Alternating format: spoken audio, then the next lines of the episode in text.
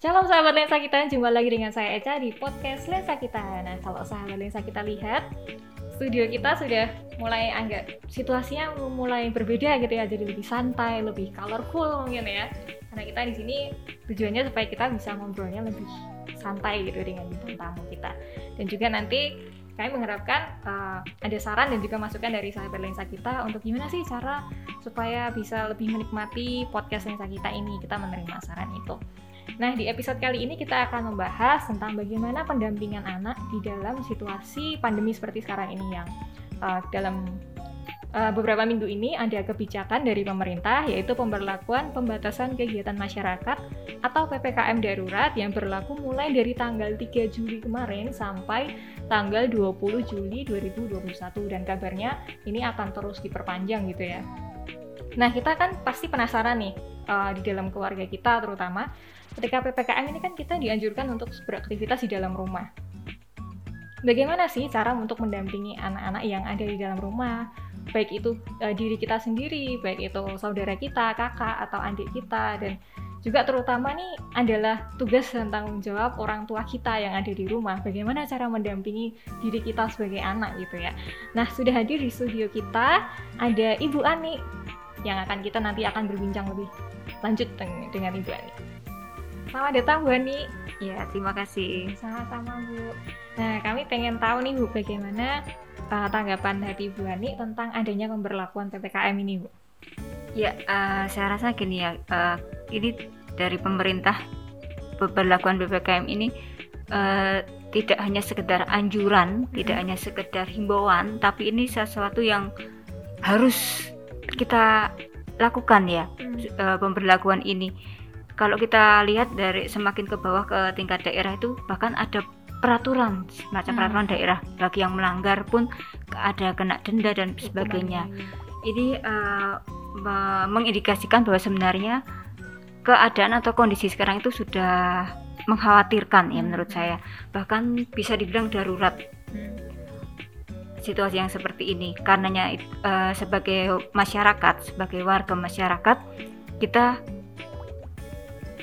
uh, berkewajiban untuk apa ya berusaha bersama-sama untuk mencegah penyebaran COVID ini semakin apa ya meluas semakin lagi. meluas gitu sudah mutlak harus kita lakukan mau nggak mau iya. suka nggak suka hmm. harus kita lakukan mengingat kondisi yang semakin seperti ini dan hukumnya wajib ya iya menurut saya karena juga uh, lihat situasi kalau nggak salah itu beberapa hari ini Indonesia tuh uh, angka kasus COVID-nya itu nomor satu di dunia. Iya.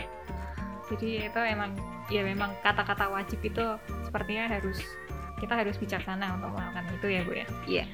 Nah uh, dalam ppkm ini kan pasti ada manfaatnya ya bu ya. Pasti dong suatu aturan uh, suatu aturan itu pasti dibuat dengan ada manfaatnya. Nah apa sih menurut bu Ani manfaat dari ppkm? Terus ada nggak sisi positif dan negatifnya bagi bu Ani? Berbicara mengenai manfaat tentu ada ya toh semuanya itu untuk kepentingan kita bersama hmm. untuk ke, uh, kesehatan kita bersama berbicara uh, masalah hal positif dan negatifnya tentu saja ada hal positifnya itu, tadi ya uh, apa ya untuk kesehatan bersama hmm. untuk kepentingan bersama uh, apa ya dengan berlakunya ppkm tentu saja hmm. kita uh, kegiatan kita sangat terbatas ya iya, di benar. apa diusahakan untuk berkegiatan di rumah. Satu hal positif yaitu kita banyak meluangkan waktu bersama dengan keluarga. Hmm. Barangkali ada di antara kita yang ketemu aja susah. Mungkin ada ya dengan kesibukan masing-masing hmm. gitu. Dengan adanya PKKM PPKM ini mau nggak mau kita banyak berdiam diri di rumah. Hmm. Kita bisa bersama-sama melakukan kegiatan di rumah, bersama-sama saling support, hmm. saling menjaga satu dengan yang lain. Uh, itu hal positifnya ya, yang bisa kami rasakan di rumah tentu ya dengan pengalaman saya seperti itu. Terus uh, selain positif ada juga hal-hal yang mungkin kurang mengenakkan ya. Yeah. Uh, satu kata yang sering terlontar dari anak-anak ya, gitu satu yaitu kata bosan. Hmm setuju bu saya juga bosan. Bosan di rumah terus katanya gitu. Bosan nggak bisa ke mana-mana. Seperti itu ya. Uh, dan kita sebagai orang tua ya apa ya kita bisa mendengarkan apa hmm. yang menjadi keluhan mereka apa yang menjadi keinginan mereka. Dan sebisa mungkin kita menasihati bahwa kita sedang dalam kondisi yang mungkin tidak mengenakkan, hmm. yang susah mungkin ya bagi sebagian saudara kita.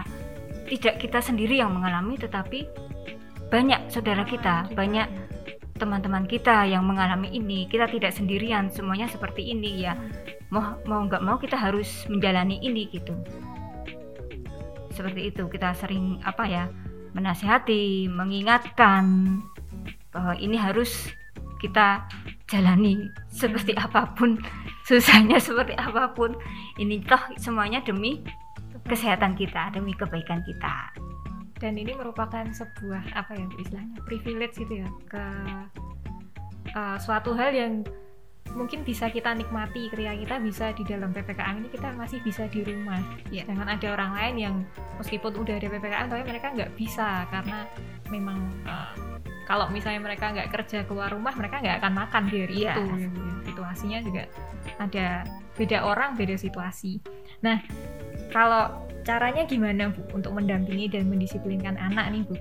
Selama terutama uh, kalau selama pandemi kemarin kan mungkin agak longgar-longgar dikit ya bu. Ya nggak apa lah keluar dikit ke ke supermarket untuk belanja ke pasar ya apa tapi kalau ppkm kan semakin ketat nih bu aturannya. Iya. Gimana bu dalam uh, mendampingi dan mendisiplinkan anak di waktu ppkm ini. Ya sekali lagi ya uh, kita sebagai orang tua mau nggak mau harus apa ya berkewajiban untuk mendampingi anak. Tidak -hmm. secara baik secara fisik maupun mungkin secara psikologi mereka juga dalam keadaan yang tertekan. Kalau secara fisik kita bisa lihat apa sih sebenarnya yang menjadi kebutuhan mereka? Hmm. apa ya kita berusaha tahu apa kebutuhan mereka? Yaitu kalau kita lihat bagaimana fisiknya bagaimana hmm. kesehatannya kita perhatikan bagaimana asupan gizinya. Hmm. itu kita harus perhatikan uh, untuk kebutuhan-kebutuhan yang lain. Mungkin secara psikologis ya mereka ya itu tadi bosan. Seringkali itu yang terlontar. Kita coba apa ya memberi ruang hmm. mereka untuk ya istilahnya melepaskan kebosanan itu dengan bermain sebentar hmm. atau melakukan kegiatan-kegiatan yang mereka sukai hmm atau bermain game atau seperti apa dan kita juga tetap harus mengingatkan ada waktunya semuanya hmm. ketika belajar ya pergunakanlah untuk belajar ketika harus bermain ya bermainlah gitu jadi ada apa ya semuanya ada waktunya gitu hmm. menurut saya dan selalu kita tekankan untuk selalu melaksanakan prokes itu hmm. mengingatkan itu selalu terus menerus sampai istilahnya sampai kita apa ya jelah itu tetapi hmm. itu harus kita lakukan gitu kalau untuk sekolah kok gimana? Kalau sekarang itu di antara ketiga itu yang sekolah? Ya sekolah yang aktif tuh anak saya yang nomor dua nah, kelas 2 SMA itu SMA. sudah bisa mandiri kita gitu. jadi uh, tidak perlu harus ditunggui gitu. Enggak ya. Sudah Malah mandiri ya kita ya, berikan tanggung jawab sepenuhnya ke dia. Dan untuk yang balita ini hmm. yang harus perlu perhatian khusus saya. Dan apa ya anak balita ini juga belum banyak apa ya tugas atau apa gitu. Sebentar ini ya dunia bermain gitu loh. Hmm. kita usahakan ya main di dalam rumah main apa ya dia suka apa gitu ya.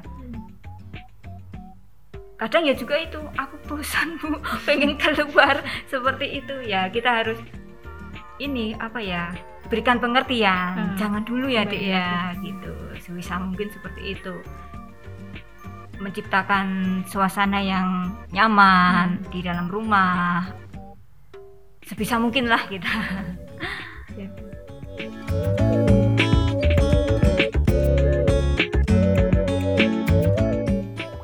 Nats yang mendasari episode kita kali ini adalah diambil dari ulangan 6 ayat 4 sampai 9 yang pada intinya uh, disebutkan bahwa orang tua itu memiliki kewajiban untuk menanamkan pelajaran yang akan terus dipegang oleh anak-anaknya untuk menanamkan kasih Allah agar terus dilakukan dalam kehidupan sehari-hari. Nah, menurut Bu Ani, uh, respon tentang ayat ini apa Bu?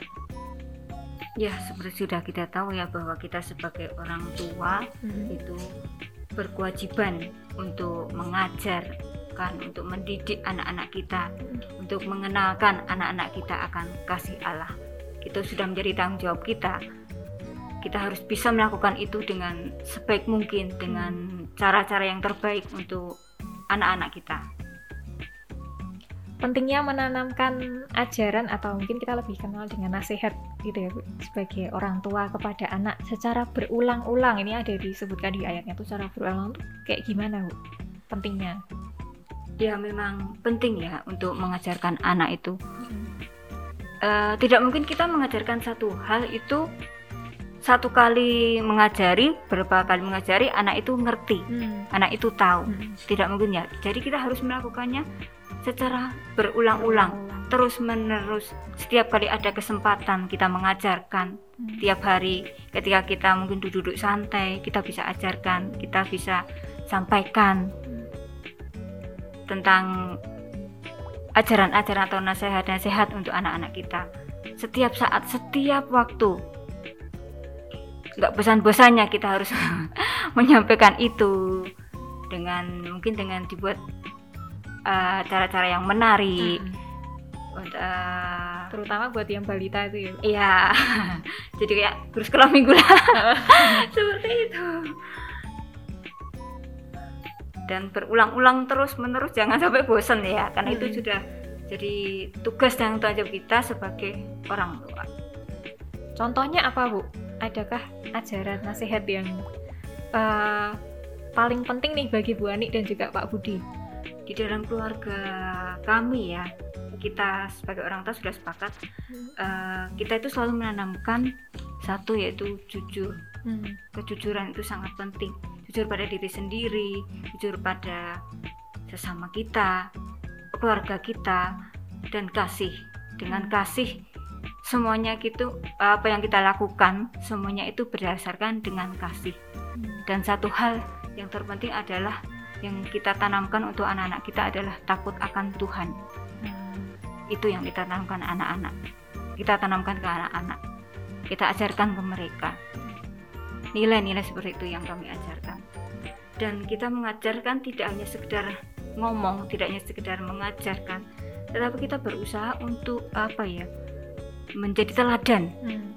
memberikan contoh anak-anak kita. Jadi mereka tahu, oh ternyata jujur itu seperti itu. Hmm oh ternyata kasih itu seperti itu oh ternyata orang tua saya juga takut akan Tuhan jadi mereka tidak hanya tahu tapi melihat dan bisa mencontoh terutama buat anaknya Bu Ani yang paling kecil ya Bu ya? Iya. Iya. Bayi itu nah uh, apakah ada pengalaman Bu selama ini dalam memberikan contoh uh, tentang nasihat-nasihat tuh ajaran yang penting itu adakah kendalanya Bu terutama di bagian uh, diri orang tua gitu? Ya kendala sih pasti ada. Uh, melihat anak saya dengan yang sudah besar ya. Tentu kan kita uh, apa ya tidak mereka lebih susah dan lebih kritis dengan ya dengan karena mereka sudah punya sudah ya sendiri. sudah bisa berpendapat sudah bisa ini bahkan apa ya uh, bisa bisa aja uh, membalikkan gitu loh ya tapi bagaimanapun kita harus tetap berusaha memberikan contoh, memberikan teladan yang baik untuk anak-anak kami.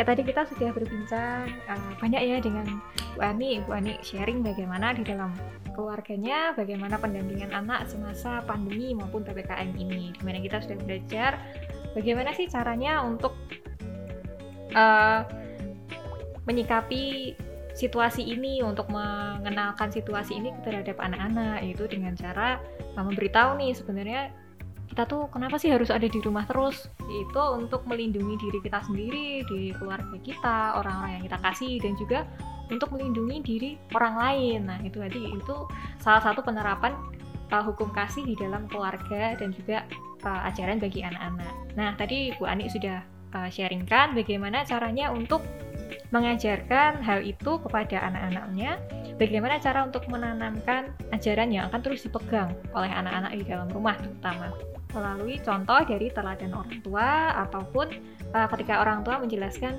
kenapa sih di dalam di tengah situasi seperti ini kita tuh harus menjaga sikap, kita harus taat dengan aturan yang ada. Nah, terima kasih untuk Bu Ani atas ya. kesediaannya untuk berproses bersama dengan Lisa kita. Bagaimana Bu tanggapannya, Bu? Ya, terima kasih sekali ya saya diberi kesempatan untuk men-sharekan hmm. Apa yang pengalaman kami selama di rumah, yeah. bagaimana kami, keluarga kami menanggapi, menjalani di masa pandemi ini. Sama-sama Bu. Terima kasih juga untuk sahabat lensa kita yang sudah setia mendengarkan dan juga menonton dari awal sampai akhir. Jangan lupa tetap patuhi protokol kesehatan meskipun uh, di situasi PPKM kita jarang keluar rumah, tapi ketika kita keluar jangan lupa untuk selalu pakai masker. Terus apa lagi Bu? Mencuci tangan, hmm. menjaga jarak, hmm. jauhi kerumunan, uh, makan makanan yang bergizi ya, oh, yang iya. sehat. terus kurangi mobilitas dan juga jangan lupa selalu berserah kepada Tuhan dan berdoa. Tetap ikuti terus podcast Lensa kita yang akan tayang setiap minggunya di channel YouTube dan juga Spotify GKMI Solo. Terima kasih, sampai jumpa dan Tuhan Yesus memberkati.